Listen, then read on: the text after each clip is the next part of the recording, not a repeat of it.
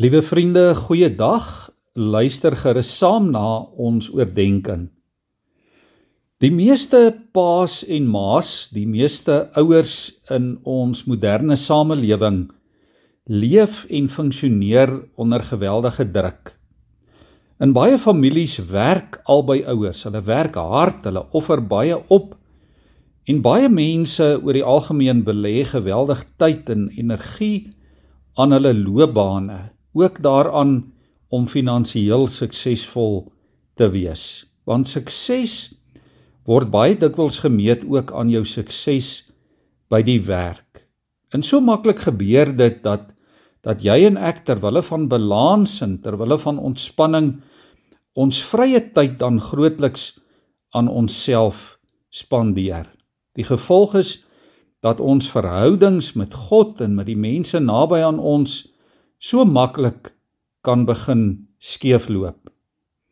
Iemand het ook verwys na die sogenaamde one minute father en daarmee bedoel die persoon dat paas oor die algemeen in hierdie moderne tyd bitter min tyd aan hulle kinders, aan hulle gesinne spandeer.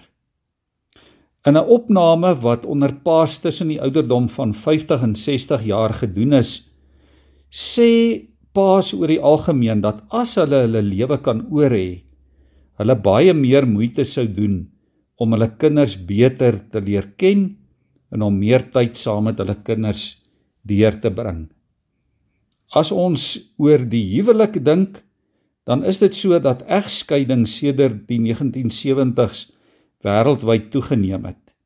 Die moontlikheid dat 'n eerste huwelik in 'n egskeiding eindig is ongeveer 65%. Terwyl naby aan 75% van tweede huwelike misluk. Liewe vriende, as ons dit alles in ag neem, dan is dit so dat dat geluk grootliks deur verhoudings bepaal word. In die eerste plek ons verhouding met God, maar dan spesifiek ook ons verhouding met die mense naby aan ons met ons gesinslewe, ons huweliksmaats en ons kinders.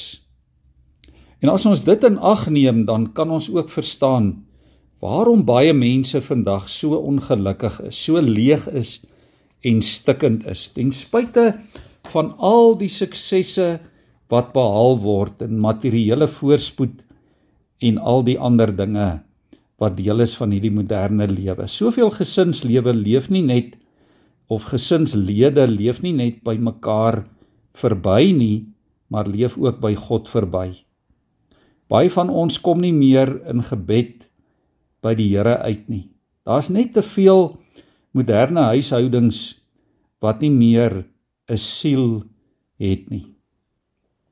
Ons huise is nie meer vir ons kinders regtig 'n tuiste nie. Hulle soek hulle geluk en hulle genot en hulle uh rolmodelle op ander plekke. Daar is nie meer noodwendig vir kinders vandag ankers om aan vas te hou nie. Daar's 'n storie wat vertel word van 'n pa van 'n jong gesin wat na 'n vreemde dorp toe verplaas is. Hulle kon nie dadelik 'n huis daar in die nuwe dorp in die hande kry om in te woon nie en gevolglik het hulle in 'n hotel tuis gegaan 'n Besoeker het eendag vir die klein 6-jarige seentjie gesê: "Dit is darem maar jammer dat julle kinders nie 'n tuiste het nie." En toe antwoord die seentjie dadelik in blitsig: "Nee oom, ons het 'n tuiste. Ons het net nie 'n huis om daar rondom te sit nie." Liewe vriende, daar in Joshua 24 vers 15 kry ons daardie bekende belydenis daardie erkenning van Joshua wanneer hy sê wat my en my familie betref ons sal die Here dien. Die vraag vandag is watter plek neem die Here in ons gesinslewe in? Watter plek neem God in ons familielewe in? Watter plek het die Bybel in ons manier van lewe? Weet ons waarin of in wie ons gesinslede glo. Mag die Here ons daarmee help. Vir ons as gesinne om hom weer die eerste prioriteit in ons lewe te maak, om tyd te maak vir mekaar ook binne ons gesinsverband. Kom ons buig ons hoofde in gebed. Hemelse Vader, ons gebed vandag is dat U U hand van genade ook oor, oor ons gesinne, oor ons huwelike, oor ons verhoudinge binne ons gesinne en families. Die verhoudinge tussen ouers en kinders, kinders onder mekaar, ouers onder mekaar, Here, dat U daardie verhoudinge sal versterk, U hand van seën daaroor sal uitsteek. Here ons bid dat ons U weer die eerste prioriteit in ons gesinne sal maak, dat ons tyd sal maak vir een vir U woord. En Here dat ons ook tyd sal maak vir mekaar. Dit is ons gebed in die naam van Jesus, ons voorbeeld. Amen.